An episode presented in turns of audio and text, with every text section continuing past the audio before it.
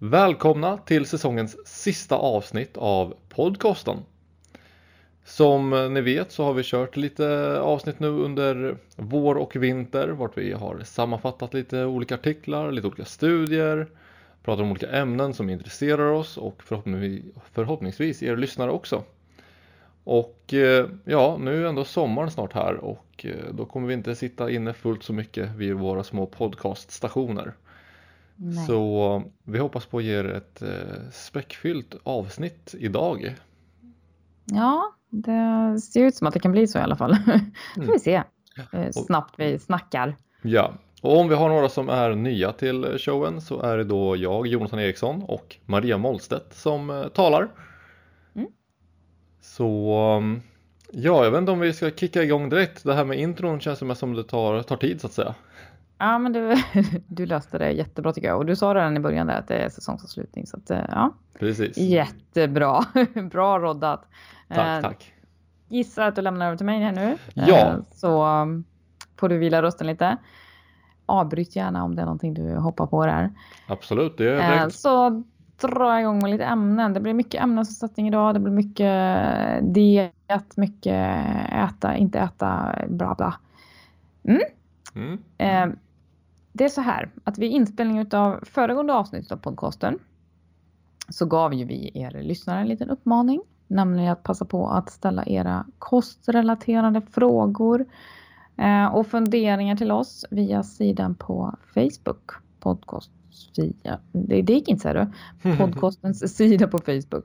Eh, att ta med några väl valda utav dessa frågor vid denna inspelningen tänkte vi helt enkelt skulle bli en bra avrundning på säsongen. Och flera är det också utav er som har tagit den här chansen. Antingen mer privat med mig och Jonathan i chatten eller som ett fullt synligt inlägg helt enkelt i flödet. Och faktum är att jag tyckte att flera av de här frågorna är så pass omfattande. Eller ja, de kan ju i varje fall göras väldigt omfattande. Eh, men de är även väldigt intressanta och aktuella. Så jag tänkte liksom låta dem blomma ut i sina svar här nu. Eh, månaden till mötes. Istället för att liksom bara svara kort så bara ja, nej, rakt upp och ner. Så mm. jag kör på det upplägget idag. Och första frågan ut, den kommer från en tjej som heter Sofia. Hon vill veta mer om metabolic damage och eh, relativ energibrist. Vad det är för någonting och vilka våra åsikter är kring, eh, kring det här. Det har ju varit uppe nu det sista på i massa olika forum så det kändes väldigt aktuellt. Och jag gör väl som vanligt. Ja, först ska jag vänta på tåget.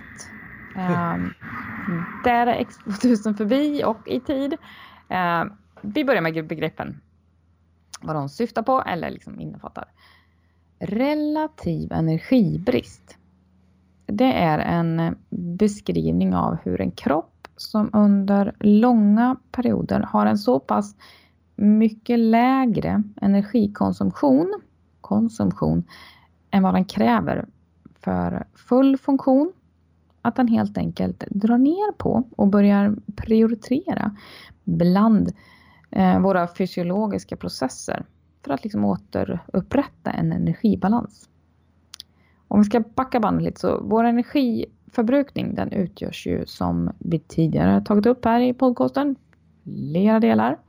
Den största andelen normalt sett, är den som eh, omsätts i vila till de där ja, grundläggande fysiologiska processerna som tillväxt, eh, reproduktionsförmåga, immunförsvar, bra att ha, värme och så vidare. Sånt där som bara liksom händer och sker i våra kroppar utan vi behöver tänka så mycket på det.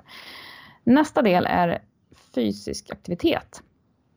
Och då menar vi inte bara träning utan även när vi liksom sitter, står, går, vad vi än gör. Och den sista delen utav eh, vår eh, energiförbrukning det är matens termogena effekt med fina ord. Det vill säga alltså den energimängd som själva omsättningen utav föda kräver. Eh, den termogena effekten under ett, eh, en relativ energibrist, alltså den, den blir nog vad den blir. Den fysiska aktiviteten, den eh, tar ju också mer eller mindre den mängd energi som den tar. Även om faktiskt eh, både resultaten och prestationen, de lär ju bli lidande vid en relativ, relativ energibrist. Och kroppen, i alla fall till liten del, tycks kunna styra mängden energi som den förbrukar vid arbete. Ja, vad återstår då? Lite krasst. Eh, så är det bara kroppen som får i slutändan portionera ut den där återstående tillgängliga energin bland de biologiska processerna. Och då får man ju prioritera, eller hur? Det gör ju alla. Har man eh, begränsade resurser så får man välja. Man kan inte få allt. Ett eh, vanligt energiunderskott, ja, det vill säga att man förser kroppen med mindre energi än vad den förbrukar, leder ju i regel till att man minskar i vikt. Eller hur? Mm. Summa summarum. Men vid ett relativt energiunderskott så upplevs istället den här viktstabiliteten. Man minskar liksom inte. Och det sker då på bekostnad utav exempelvis hormonella förändringar, rubbningar, en eh, benskörhet kan utvecklas, mag, tarmproblem. Givetvis så blir man trött och risken för skador ökar. Och särskilt vanligt tycks det här fenomenet vara inom idrottsvärlden då. Föga förvånande. Ehm, och även hos de idrottare som kategoriseras då som normalviktiga. Och det behöver alltså absolut inte inbegripa någon form av typisk ätstörnings eller beteende kring mat som är ohälsosamt som man ser. Relativ energibrist är någonting som kan drabba både kvinnor och män men eftersom en kvinnokropp vanligen menstruerar månatligen så kan det kanske tänkas vara lättare att upptäcka hos denna kategori. Samtidigt som vi vet att utebliven eller oregelbunden menstruation kan ha en rad olika förklaringar och det behöver nödvändigtvis inte, absolut inte handla om energibrist av något slag. Eh, sen metabolic damage då, eller metabolisk skada eh, syftar på samma sak skulle jag säga. Det är bara ett annat begrepp och jag kan nog tycka att det är lite sämre till och med. Eftersom det antyder att då ämnesomsättningen för all framtid skulle vara skadad. Och det finns väl inte så jättemycket som tyder på det kanske. En, eh, ja, om man då har eller upplever det här, då så är det en stegvis upptrappning av energiintag är det som jag skulle rekommendera den som tror sig lida utav en relativ energibrist. I strävan efter att liksom återgå till en normal energiomsättning i kroppen. Eller ja, mm. normal, det är ett ord som man kanske inte vill använda. Det känns väldigt vagt, särskilt med eh, tanke på den senaste rapporten om svenskens kroppsvikt som visade att över 50 procent utav oss nu är överviktiga eller feta. Mm. Eh, men någon har i alla fall mynat ett begrepp som beskriver det här med att man vänder liksom på dieten och reverse dieting, det vill säga en omvänd kontrollerad kosthållning där man sakta men kontinuerligt ökar energiintaget över tid tills den här verkliga viktstabiliteten uppstår. Och detta förhållningssätt till kosten, det är någonting som jag både tillämpar själv, exempelvis efter en tävlingssatsning. Men även rekommenderar min klunga av klienter som har tävlat inom kroppsbyggning. Eh, på vägen liksom tillbaka efter tävlingsdagen. Tillbaka till ett sundare levande.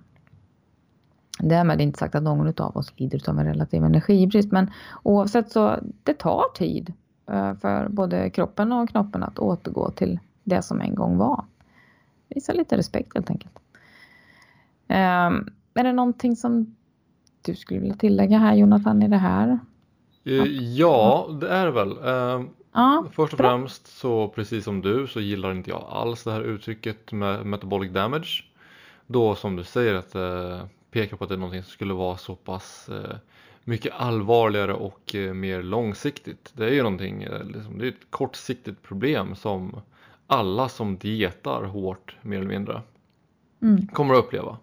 Eller om man tränar hårt som sagt. Men det behöver inte heller göras en fullt så stor grej utav det om man har det under kontroll. Problemet är väl om man går dag in dag ut i sin vardag och liksom har det här problemet och man liksom pressar ner kalorierna så lågt man kan under flera år.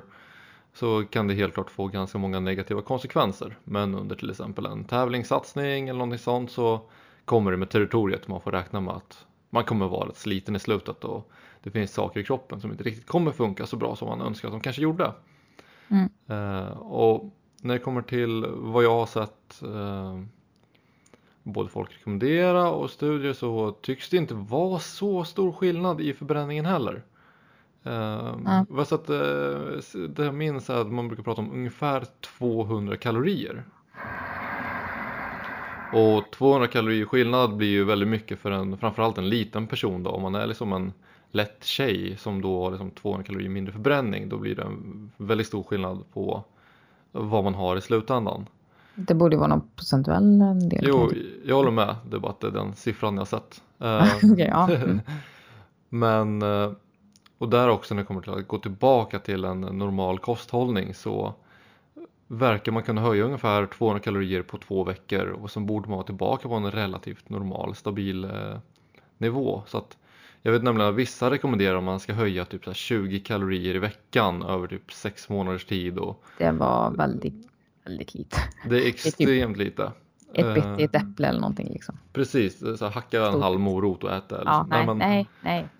och eh, jag tror inte alls det behöver vara en så långsam process. Jag skulle säga att desto snabbare man kommer upp på en normal hälsosam nivå, desto bättre. Så att liksom inte göra det allt för långsamt, inte köra de här trendiga Instagram-coacherna som liksom kör de här 20 kalorierna i veckorna. Utan försöka komma upp på en normal hälsosam nivå så man kan börja funka normalt så snabbt som möjligt.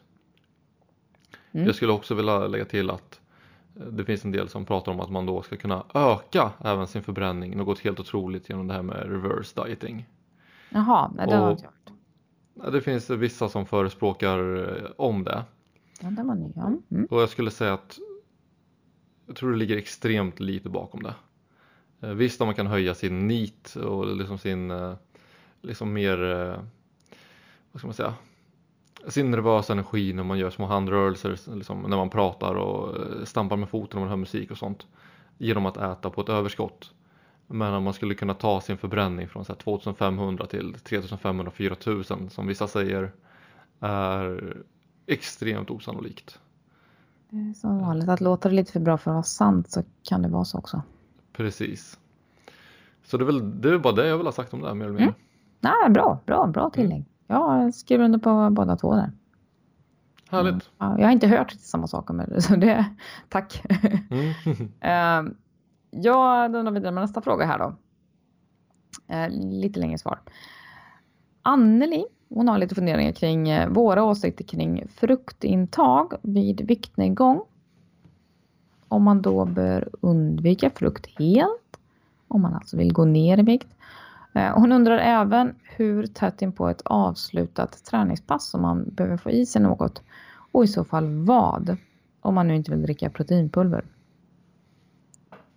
Eh, och ja, visst är det så att det finns en del saker att eh, ta i beaktande vid uppläggning av en eh, diet. Diet betyder kontrollerad kosthållning och ingenting annat.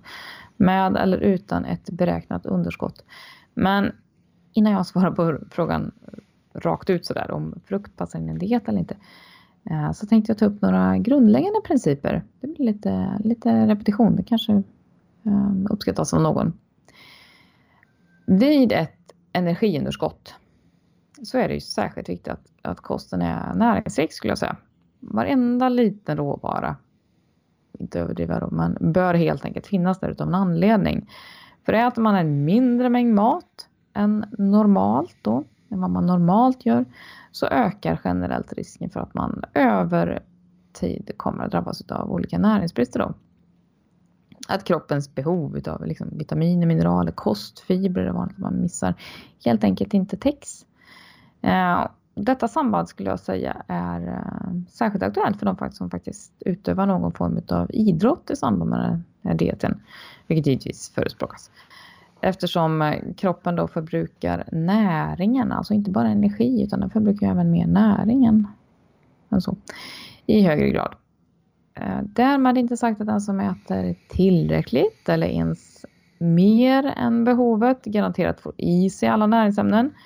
Men sannolikheten borde ju åtminstone öka, kan man tycka. Eh, jag hörde dock talas om att det fanns deltagare i årets säsong av Big Loose. Jag vet inte om du följer det Jonathan? Nope. Nej, men som alltså då trots ett bevisat rejält energiöverskott led av flera allvarliga näringsbrister faktiskt. Mm. Så det går. Jo Men för att återgå till den mer restriktiva formen av dieter då. Det som är beräknade med ett underskott. Rent teoretiskt så kan man eh, minska vikt genom att äta skumbananer och pizza. Alltså så länge som det där energiunderskottet upprätthålls i, om man ska drar det lite hårt. Men ett sånt upplägg så lär ju varken vara särskilt hälsosamt eller hålla så bra i längden för oss flesta. Så vad ska man då tänka på för att göra dieten så näringsrik, eh, smakrik och kanske mättande som möjligt då? Vi börjar med protein, kroppens byggstenar. Att äta en lite högre mängd protein, så cirkus 2 gram protein per kilogram kroppsvikt och dag, främjar både kroppssammansättningen, alltså fördelningen mellan muskel och fettmassa på kroppen och sen mättar det faktiskt ganska så bra. Däremot så innehåller inte proteinrika råvaror särskilt mycket kostfibrer. Men vad vi istället hittar dem, det tänkte jag återkomma till lite senare.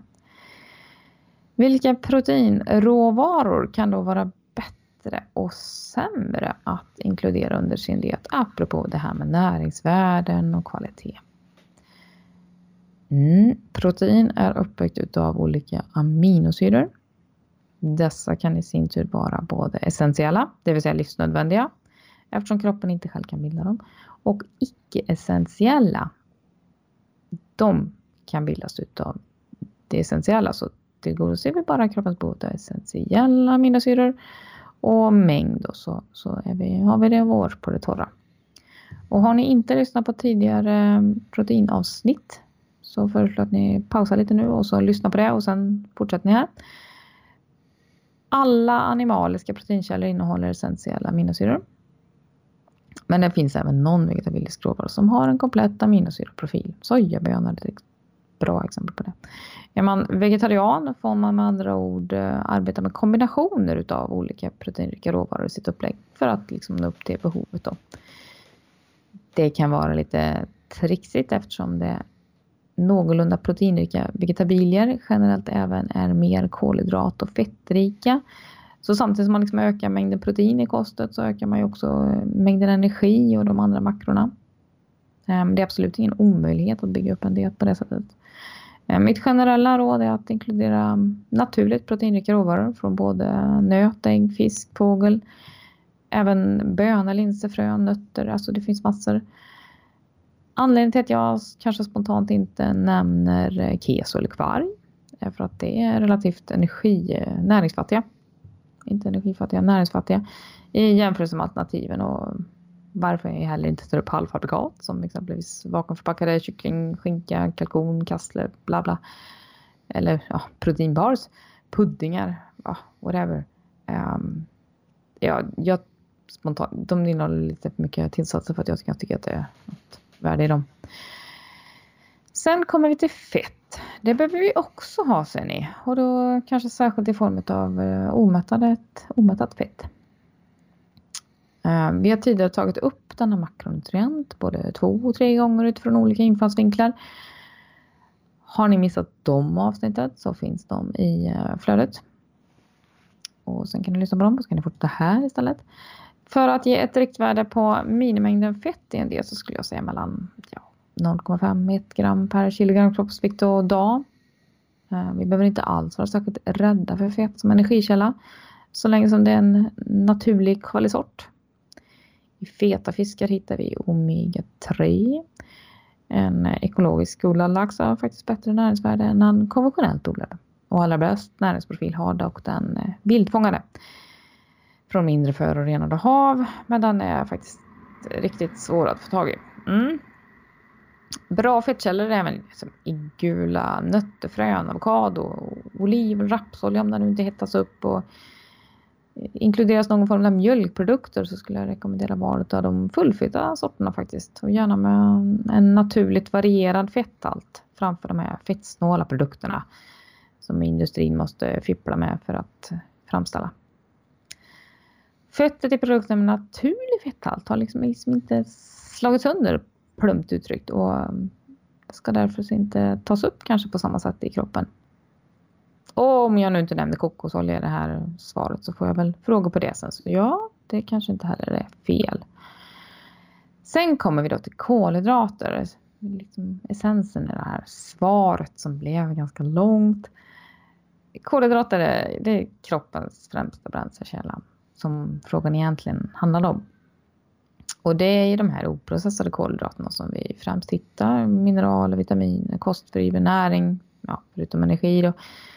Ehm, de oprocessade råvarorna innehåller även en hel del vätska, vilket bidrar till en naturlig mättnadskänsla. Mer vettiga kolhydratkällor under en diet då med underskott är eh, alla grönsaker, rotsaker, knölar, frukt, bär men även oraffinerat ris, bönor, linser, gryn, groddar. Ja, etc. Det klassar in här. Det naturligt söta som vi hittar i växtruket ska heller inte, ska heller inte förväxlas med eh, sötade produkter. Och att äta en hel frukt är alltid bättre än att mixa ner den till juice eller smoothie. Den här lite myten då, om man får vara lite, om att det absolut inte går att äta frukt eller liknande om man vill gå ner i fettvikt. Eh, skulle jag säga har rötterna i LCHF-kretsar kanske eller liknande. Och jag gissar att du Jonathan kanske vill fylla på här lite. Apropå det där med insulin och fettförbränning och pappa, eller? Uh, eller ska vi hålla, det känns som vi har tagit... till nästa, nästa Eh, jag vet att du har någon studie där. Ja, eh, jag kommer nog inte prata så mycket om just det då men eh, Eller ska vi hänvisa sagt, till tidigare avsnitt kanske? Jag tycker att vi hänvisar till tidigare avsnitt där och jag skulle säga att sagt, frukt det kan vara hur bra som helst. Ja. Det, kan, det kan skälpa en också, till exempel en fruktsallad kanske inte är något så vidare rimligt val om man verkligen vill maximera sin liksom, fettförbränning men eh, det är ju heller inte askast. Liksom att äta ett äpple, det kommer inte så, göra någon större skada, alltså skada så länge man har koll på totala mängden kolhydrater man ska äta och det är en del av det. Rim och måtta liksom. Rim och ja, så. Man behöver inte vara rädd för frukt och man behöver heller inte liksom räkna det som att ja, det här är så nyttigt så jag kan äta hur mycket som helst av det för det blir också fel. Det, frukt är mer eller mindre precis som all annan mat. Det är rikt på socker, det är rikt på näringsämnen. Eh, sagt, planera in det, gör plats för det. Gör jättegärna plats för frukt. Jag, jag vill se att alla mina klienter äter mellan ja, 2 till 5 frukter om dagen mer eller mindre. Så det blir ganska mycket. Mm. Eh, för att ja, jag, ty jag tycker det är schysst, schysst, alltså, schyssta grejer. Du får med dig bra ämnen och smakar gott. Varför inte? Precis, precis. absolut. Ja. Sen eh, hon hade ju en eh, liten twist på frågan till där. Eh, hur snart man måste äta något efter träning och vad i så fall om man nu inte vill dricka proteinpulver. Och det här måste ju vara en av de mer vanliga frågorna som jag kanske får av gemene man och det oh ja. kanske inte är då så konstigt med tanke på hur marknadsföring etc. kring mm -hmm. relaterade produkter ser ut idag. Um, hur snart man um, få i sig något efter träningspass. Det beror ju på flera faktorer som vi kanske i detta specifika fall inte vet något om. Exempelvis hur kosthållningen ser ut i övrigt när man har tränat på dygnet. Eh, vilken träning man gör och med vilken intensitet, hur frågeställarens målbild ser ut och så vidare. och så vidare. Men ett generellt svar är att det finns eh, gott om tid till att eh, både komma hem och laga mat efter träningen mat som bör innehålla både protein, kolhydrater och fett. Alltså egentligen inga konstigheter alls.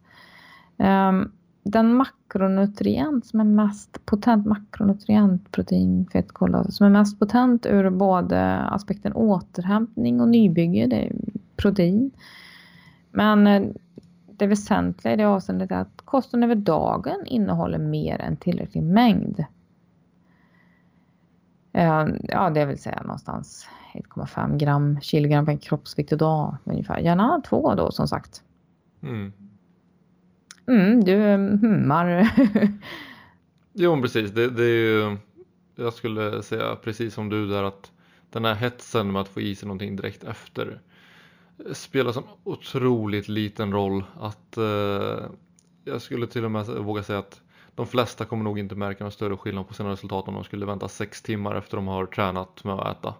Nu är det långt ifrån optimalt att vänta så länge så att Nej. man vill gärna ha att man alltid har lite aminosyror och eh, protein då i blod och mage eh, mm. under hela dygnet helst om man vill ha en optimal eh, återhämtning. Mm, men sen tror jag många underskattar också hur, hur lång tid faktiskt ämnesomsättningen tar. Alltså, Precis. Den, där lunchen har liksom inte bara dratt iväg utan den är väl liksom på väg nu, precis som du säger, både i tarmar och omlopp och, och så vidare. Ja, jag brukar rekommendera att man försöker äta var fjärde timme så att om du tränar vi säger en timme efter att ätit då har du ändå ja, kanske närmare två timmar på dig efteråt att liksom förbereda och göra nästa måltid innan det börjar bli dags. Mm. Eh, för då kommer du hålla en ganska jämn aminosyreprofil under hela dygnet. Sen vill man inte så. träna med magen full av mat men liksom, det finns gott om tid att åka hem och, och ladda oh ja. upp. Liksom. Det, det är lugnt. Mm. Det, resultaten blir inte drastiskt inte. lidande. Nej. Nej. Nej.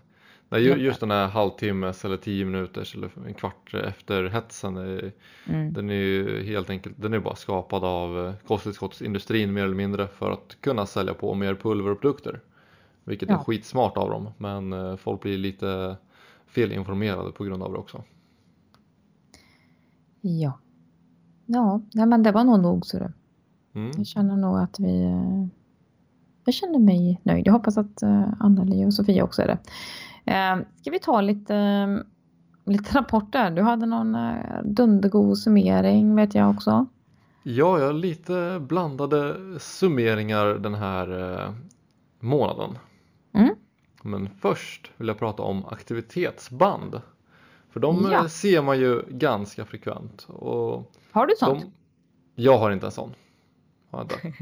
Men många av mina klienter har och många vänner har och man ser dem lite grann på stan. Så att de har ändå blivit ganska vanliga skulle jag säga. Och eh, ja, de har ju åkt på lite skit tidigare då för att inte vara särskilt eh, pricksäkra när det kommer till mm. informationen de ger oss tillbaka. Och nu gjordes det vad jag, vad jag tycker verkar vara den mest välgjorda studien på de här då, hittills. Man testar flera olika sorter såsom Apple Watch och vad heter de? Eh, de här vanligaste Jawbone, någonting i den stilen. Jag glömt bort eh, namnen på den specifika. Ja, jag kan faktiskt inte. Uh, och även uh, Samsungs uh, Gear 2 testar de, vilket är liksom vanligt förekommande modeller. Plus lite andra. Och man testar också dem i olika miljöer och intensiteter så att man inte bara testar till exempel på en stationär cykel utan man testar liksom, lät folk gå, springa, eh, liksom sprinta och cykel och sittande testar man. Mm. Och eh, ja, jag kan säga att eh, informationen som man fick tillbaka när det kom till puls och energiförbrukning var mer eller mindre åt helvete förutom på allting förutom cykling. Troligtvis så beror detta på att man har gjort testerna och algoritmerna under eh, cykeltester då det är lättast i ett labb. Så att när du cyklar så har de faktiskt ganska accurate information, ungefär 3% ifrån faktisk puls under cykling.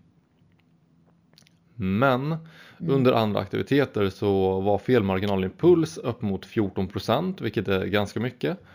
Eh, svårast var det till att läsa eh, maxpulsen under vanliga promenader och, eh, eller inte maxpulsen, pulsen, under maxpulstester och vanliga promenader. Så att om du går runt och liksom traskar runt en dag och kollar din puls genom ditt eh, smarta armband så kommer du troligtvis ha en rätt skev bild över vart din puls ligger. Tyvärr. Tyvärr ja, det är tråkigt men... Eh, mm. Eh, och när det kommer till liksom det här med informationen kring brända kalorier eh, under mm. liksom, olika aktiviteter och dagar så var uppskattningarna ännu, ännu sämre. Jag skulle säga att det är under all kritik. Jag kan inte förstå att de har fått eh, sälja och marknadsföra den här energiberäkningen överhuvudtaget. det, det kan ju, som, mm. I och med att den är så pass dålig så kan det också bidra till att man kanske tror att man ligger på en relativ energibrist eller att man äter för mycket eller för lite. Eller, alltså det oh, kan ja. ju skapa riktiga huvudbry. Ja, absolut.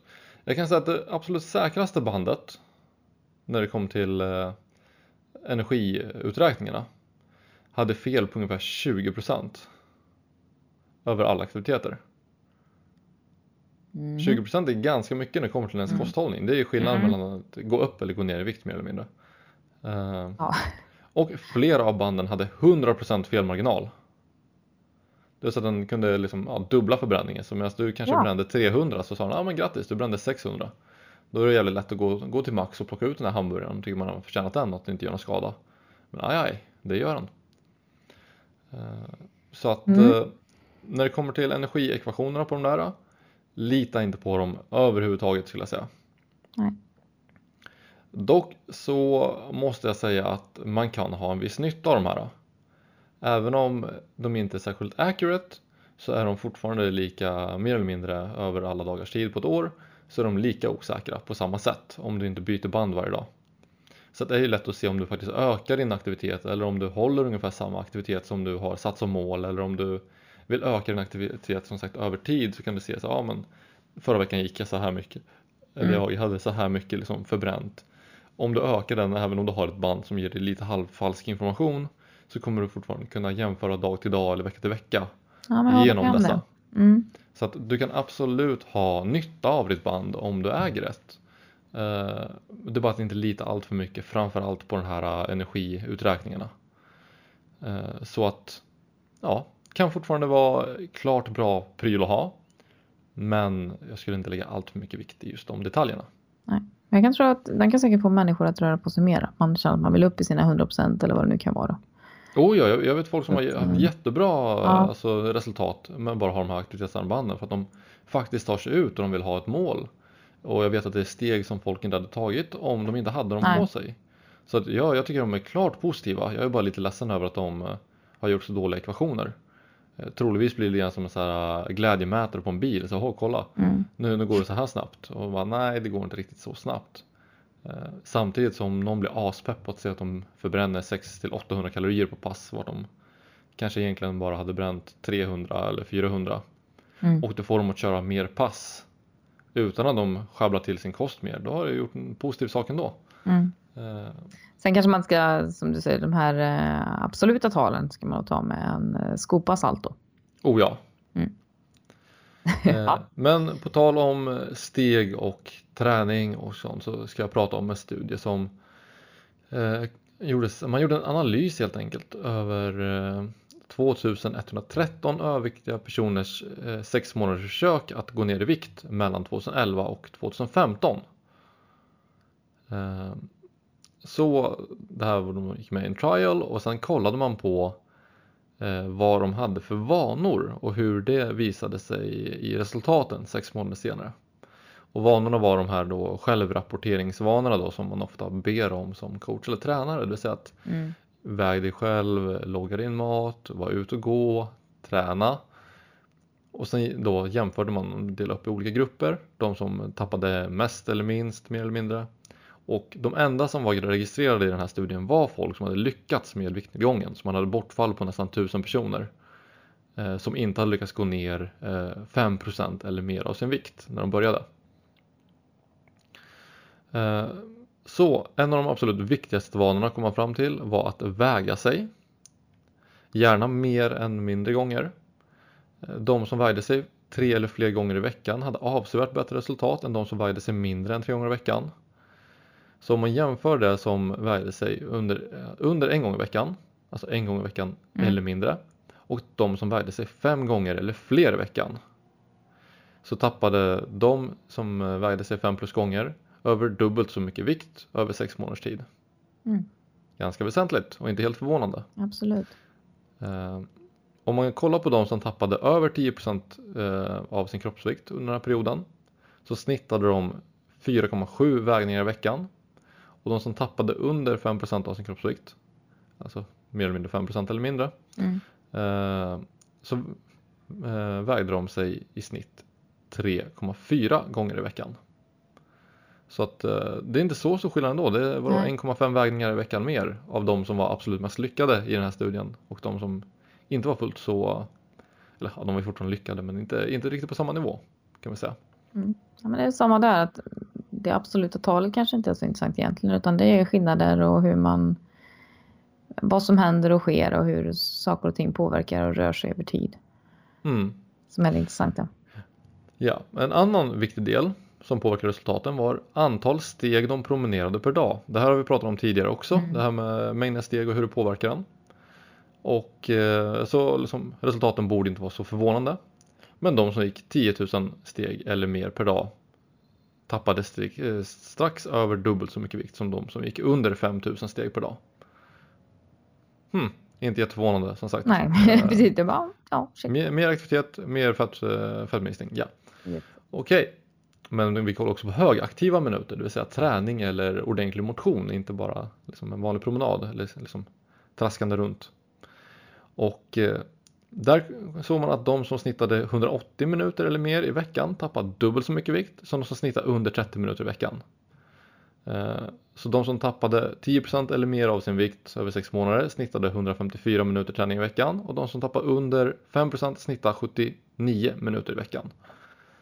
Eh, så det är också en del som skillnad. Så, ja, gör mer jobb, få bättre resultat eh, kan man väl mer eller mindre se det som nu.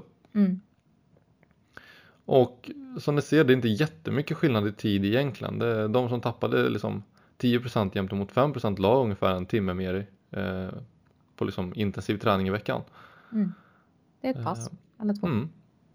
Och när man kollar på självrapporterade matloggar, det vill säga hur många dagar i veckan som de faktiskt loggade mat, så eh, var det ganska intressanta resultat tycker jag, för att där var det lite större skillnad mellan eh, grupperna. Så eller snarare sagt, det var inte så stor skillnad mellan de som rapporterade en till fem gånger i veckan i snitt. Mm. Men det var en väldigt stor skillnad mellan de som rapporterade eh, upp till fem och över fem gånger i veckan. Det är den där helgen Precis, det, det, kan det mycket väl vara. Ja, det tror jag. Och jag, jag, skulle tro att det är att de som rapporterar sju dagar i veckan under hela perioden lyfter upp resultaten något otroligt eh, i 5 plus-gruppen. För det är de som har varit fokuserade varje dag på mm. just sin kost och viktnedgång. Medan de som har rapporterat under fem dagar i veckan, det kommer att vara fler som har slarvat från dag till dag. Eh, så jag tror att det är just de här liksom perfekta sju gånger i veckan inom den de, gruppen som lyfter upp De man vill hela. visa. Mm. Och det andra vill man hålla lite under, under locket och så säga att nej det funkar inte. Mm, precis. Så att om man kollar på de som rapporterade under en dag i veckan så tappar de i snitt 3,67 eh, kilo. Och sen kan man, kan man kolla på de som tapp, äh, rapporterade 3 till 5 dagar i veckan. De tappade i snitt 5,15 kilo. Det vill säga det var en skillnad på 1,48 kilo mellan de två grupperna. Och då är det en väldigt stor skillnad i rapportering på under en dag i veckan till 3 till 5 dagar i veckan. Ja, verkligen. Kollar man däremot på de i 5 plus-gruppen så tappar de hela 8,2 kilo Oj. Det vill säga 4,43 kilo mer än lägsta gruppen och 3,05 kilo mer än näst högsta gruppen. Eh, så där har man väl en väldig differens. Eh, så sammanfattningen av den här lilla analysen behöver kanske inte vara så dramatisk eller förvånande. Eh, var mer aktiv, gör mer jobb, håll koll på dina vanor genom att väga dig och mäta dig liksom, logga maten så kommer resultaten bli bättre för att man kan ju snabbare då se om man börjar spåra lite grann i fel riktning kan man säga nej det här är inget bra, nu åtgärdar vi det och hålla fokusen bättre. Man var lite uppriktig mot sig själv helt enkelt, ärlig, ärlighet. Precis, men att just de här äh, självkontrollerande äh, beteendena är en väldigt viktig del av viktnedgång. Äh, de flesta kan inte hoppas på att man tänker upp en plan i huvudet utan några sorts eh, mätmetoder eller kontroller längs vägen och tror att man ska lyckas särskilt väl. Det blir ganska svårt att hålla koll på vad man gör och vem man är mer eller mindre. Nej, men just vart man är på väg och liksom om det har gått bra eller inte. Så mm. att, tips är verkligen att anamma så många kontrollmetoder som möjligt. Om du inte har en coach som hjälper dig med att kontrollera och liksom fråga hur det går och så så måste du vara extra noga med att kontrollera detta själv. Ja.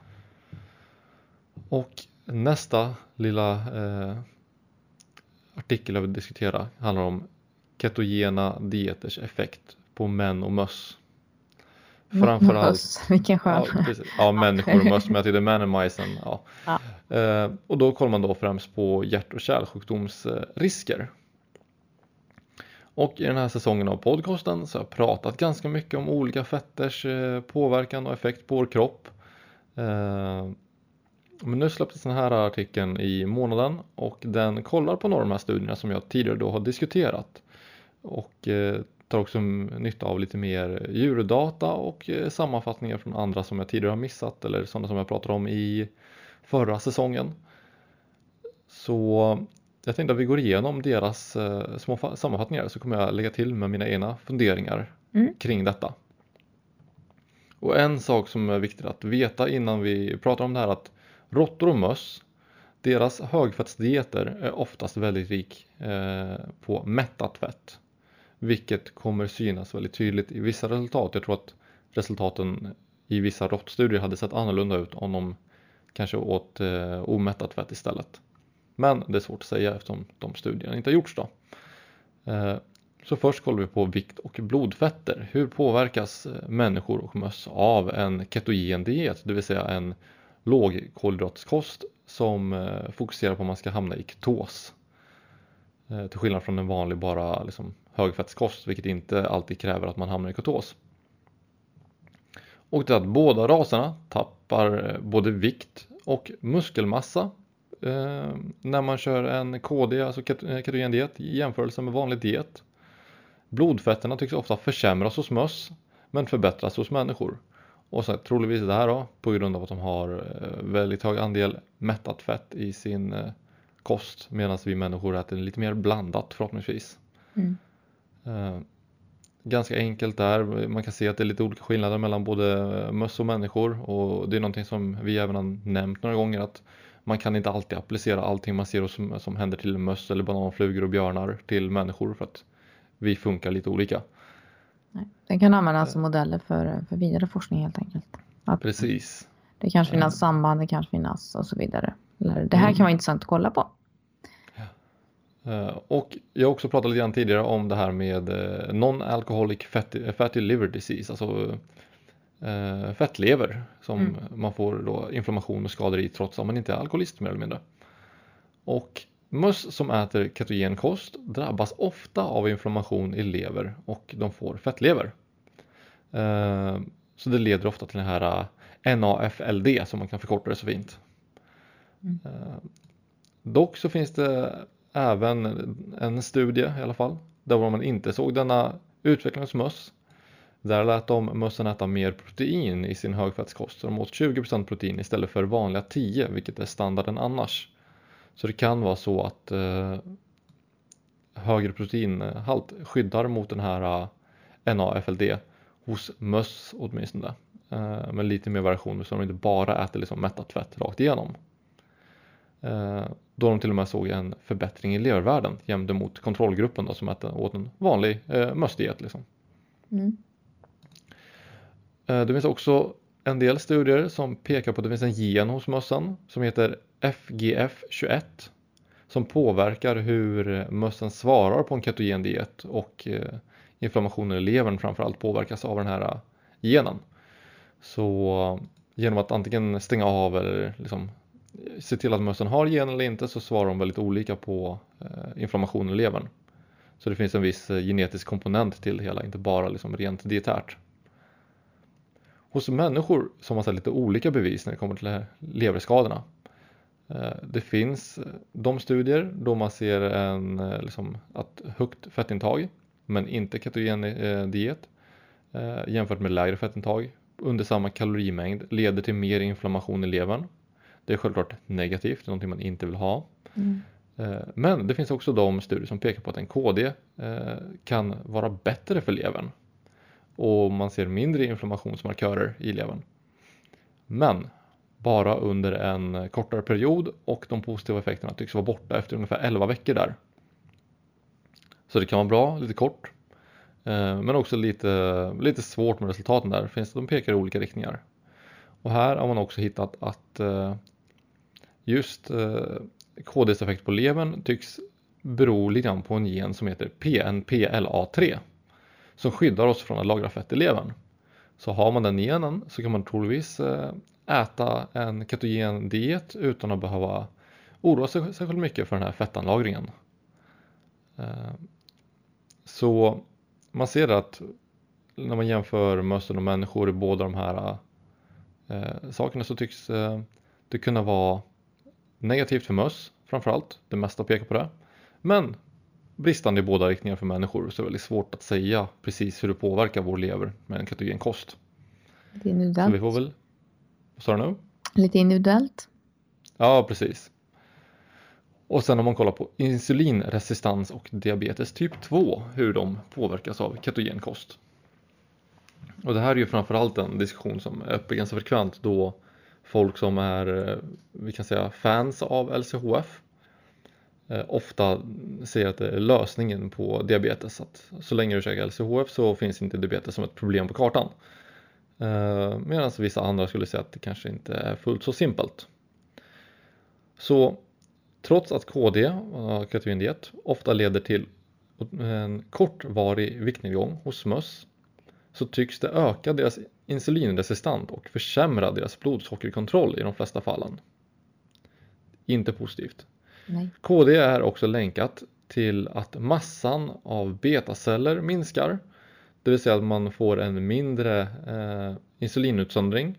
Någonting som också då är negativt, ett av problemen med diabetes typ 2. Eh, och detta tycks vara för att möss på KD tycks lagra mer underhudsfett. Eh, av den anledningen att de också tycks tappa muskelmassa som jag nämnde tidigare. Mm. Och detta är även om mössen har minskat insulin eh, i blodet och minskade glukosnivåer eh, genom att inte käka fullt så mycket kolhydrater. Så att för mössen så tycks det inte vara en jättebra lösning med ketogenkost för att mm. behandla diabetesen. Hos människor så kan man dock ofta se förbättrad blodsockerkontroll och eh, åtminstone hos dem med diabetes typ 2. Och det kan då leda till minskade doser av medicin vilket ofta är väldigt skönt eh, för de som har diabetes. Tyvärr så tycks även dessa positiva resultat eh, bara liksom finnas under en kortare period på ungefär 3-6 månader. Därefter tycks dieten tappa sin skyddande effekt vilket är väldigt tråkigt Mm. Man har också sett studier när insulinresistansen ökar hos människor på KD. Och det är ju då främst hos friska och det är ju en riskfaktor för att utveckla diabetes typ 2. Men det finns också de studier som pekar på en förbättring i blodsockerkänslighet. Så att, eh, ja, ganska svår, liksom tvetydig data där när det kommer till hur det skulle se ut. Eh, man ser dock tydlig, tydlig skillnad på de som äter högfettkost, eh, högfettkost inte eh, ketogen, som är rik på antingen kött eller grönsaker. Så de som äter en högfettkost baserad på animalier tycks eh, dubbla sin risk för diabetes i jämförelse med de som äter en högfettkost baserad på grönsaker. Mm.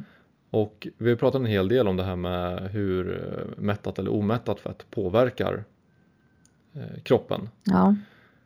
Så att troligtvis är det väl där att ja, äter du en högfettkost vart du får i dig väldigt mycket mättat fett eh, så kommer det inte vara särskilt bra för dig. Men äter du en högfettkost med mycket omättat fett så kanske det är hur bra som helst. Så sammanfattningsvis kan vi säga att KD kan leda till många förbättringar när det kommer till eh, hjärt och kärlsjukdomar hos eh, människor. Man liksom drar ner på många riskfaktorer. Tyvärr så tycks det bara vara temporära eh, förbättringar på mellan 3 till 6 månader. Så det kanske är en superbra idé om man vill, liksom, om man känner att man eh, ligger på lite för mycket övervikt och att man eh, liksom känner att man är rädd för de här eh, risk, liksom, ja, riskerna. Så kan man gå på en ketogen diet för att tappa lite vikt och liksom förbättra sina värden. Och sen kanske liksom tänka på att behålla sin nya vikt på en antingen lite mer blandad diet eller vara mer strikt när det kommer till att behålla nya vikten. Troligtvis är de här positiva effekterna bara temporära för att folk har en tendens att börja liksom stanna upp i vikt eller börjar till och med gå upp i vikt även om man behåller en ketogen diet. Så är det lätt att man vänjer sig med den tills man börjar äta mer och sen går upp i vikt vilket då ökar riskfaktorer igen för hjärt och kärlsjukdomar och diabetes och liknande. Mm. Ja. Så jag skulle säga att ketogen diet kan absolut brukas positivt förutsatt att man ser till att faktiskt inte bara äta fett eh, eller äta mättat fett. Man kan se vissa inom LCHF som är väldigt eh, bestämda med att säga att man kan äta hur mycket bacon, smör och ägg som helst. Det kanske inte är den bästa sätten att gå kring problemet. Jag skulle säga att man kanske bör se över sin fettsyreprofil om man eh, funderar på att äta extremt stora mängder fett varje dag. Ja. Så att man undviker att liksom steka till baconen till sina krispig stek och sen avsluta det med liksom burgare med fet ost och liksom eh, bada lite smör i kaffet. Ja, Nej, men så återigen att, så innehållet spelar roll vad man, vad man fyller, fyller ut, vad man laddar med helt enkelt. Absolut, och det det jag tror är en anledning också till varför man ser så mycket negativa effekterna framförallt hos råttor som äter KD just för att de nästan bara får mättat fett. Eh, det sätter dem i verkligen den sämsta sortens ketogendiet som de kan hamna i. Mm. Jag tror absolut att det finns mycket mer nytta att dra ut av dieten om man faktiskt kontrollerar sitt fettintag så man har lite mer nyttiga fetter än bara mättat. Men vad äter, alltså, vad, vad äter möss egentligen? Alltså på riktigt. Vad, vad äter de? de? De är väl inte... Men är frigående eller? Ja precis, de äter väl inte animalier eller? Är de de äter inte allt möjligt. Jag, alltså. jag är rätt säker på att de är allätare. allätare ja. Man vet att de gillar ost om man har rottweiler. Så, ah, så, så långt är jag med. Men, ja, i och för sig. Och ja, det är mättat när de kommer in i köksskåp på... så äter de väl allt. Så att... Anledningen till jag frågar ju, jag tänker på att liksom hur de, eh, ja, är, hur deras kroppar är liksom rustade för att ta emot stora mängder mättat fett helt enkelt. Jag vet att de inte gillar sukros men uh, utöver det så klarar de av det mesta rätt bra som vi gör. Problemet är bara att de får liksom ren vad heter det, lard eh, när de ska äta högfestkost mer eller mindre med Alltså man stabiliserar deras diet genom att ge dem lite, ofta sojabiprodukter, havrebiprodukter, vetebiprodukter ja. Sånt som blir över av eh, liksom, skörd mer eller mindre mm. Som man då pressar ihop till små pellets som de brukar få och det brukar man också berika med mineraler och vitaminer så att de inte ska få en brist på grund av det så man har liksom jämnt mellan de olika dieterna Ja, precis. Så att det inte blir någon annan eh, effekt på grund av någonting annat helt enkelt. Precis, men de får ju som sagt ganska lite protein i sina testdieter. Så att, som man sa där att 20%, protein, 20% protein kanske är lite bättre än 10% i vissa fall för att de får ju minimalt av det. Och där så kan det också vara problem för att i proteinet som man använder till möss använder man ofta sojaprodukter vilket kan ha negativa effekter på möss eh, östrogen ja. Eh, så att Om det blir sådana mängder så kan det ju faktiskt ha en negativ effekt. Så det, absolut. De äter ju rätt ensidig kost liksom. Mm. Så att, eh, någonting som vi vet att människor inte bör äta ensidigt då. Eh, och det är väl framförallt de tre jag ville ta upp. Jag tyckte det var ganska kul att de, eh, den sista där gick in en hel del på det som vi har pratat om i detalj lite mer under säsongen. Gick de in i liksom mer eller mindre stora drag här. Mm. Så man kan se vilken effekt det kan ha och variationen där. Absolut, jag tycker vi fick en eh, röd tråd trots att vi inte ens visste om vad vi skulle gå upp Precis, vad som skulle släppas ja, ja. över maj månad. Surprise. Mm. Uh, ja, men uh, det var väl ett bra knyt ihop där och så får vi väl önska alla våra mm, följare då, lyssnare, vad säger man, lyssnare. Alla er ja. ute en, en riktigt trevlig sommar för det tänkte vi ha, eller hur? Absolut. Ja. Och jag tänkte också rekommendera en bok så här eh, ja. lite grann som knyter in väldigt mycket i hur eh, det är, jag tycker det är otroligt intressant hur vi människor funkar som vi gör och varför vi gör de beslut som vi gör. Hur, varför beter man sig som man gör när man äter på ett visst sätt, när man tränar på ett visst sätt, om man lever på ett visst sätt. Eh, det finns ju väldigt mycket som påverkar oss. Mm. Och då, jag vet att jag har nämnt hans namn tidigare i podden. Och det finns nämligen en snubbe som heter Robert Sapolsky som skriver otroligt bra böcker om varför vi eh, egentligen agerar som vi gör. Eh, boken som han släppt tidigare som var den bästa enligt mig var en som han skrev om stress. Nu har han släppt en som heter Behave som handlar om varför vi beter oss som vi gör när vi beter oss som bäst och som värst. Det kan jag rekommendera som sommarläsning till alla medan ni inte kan lyssna på podcasten. Mm, det tackar vi, tackar vi för det låter lät väldigt intressant faktiskt. Beteende är ju ja, det, liksom, eh, vi vill ha så intelligenta varelser men sen så är det något, någonting underliggande där som gör att vi ändå Oh ja, den är helt agerar som vi gör. Alltså. Ja. Jag är helt fast så att varje gång jag läst 10 minuter känns det som jag lärt mig massa grejer som vänder hela min värld upp och ner mer eller mindre. Grymt. Så att, ja, fantastisk bok. Mm. Ja. Ja, det, är väl det. Och så får jag önska alla en eh, trevlig sommar. Och är det så att ni plockar upp boken och vill diskutera en punkt med mig så är jag öppen för diskussion. Mm. Uh, och eh, vi får hoppas att det fina vädret slår till och att vi får en strålande midsommar och kommer tillbaka starkare än någonsin till hösten. Och vi finns ju på Facebook om det är någonting som poppar upp under sommaren sådär, eller hur? Japp. Japp. Ja, men så du, då säger vi så, då, eller? Då tackar vi för oss. Tack, tack. Får vi se när vi kommer tillbaka i hösten. Det, mm. det lämnar vi flytande.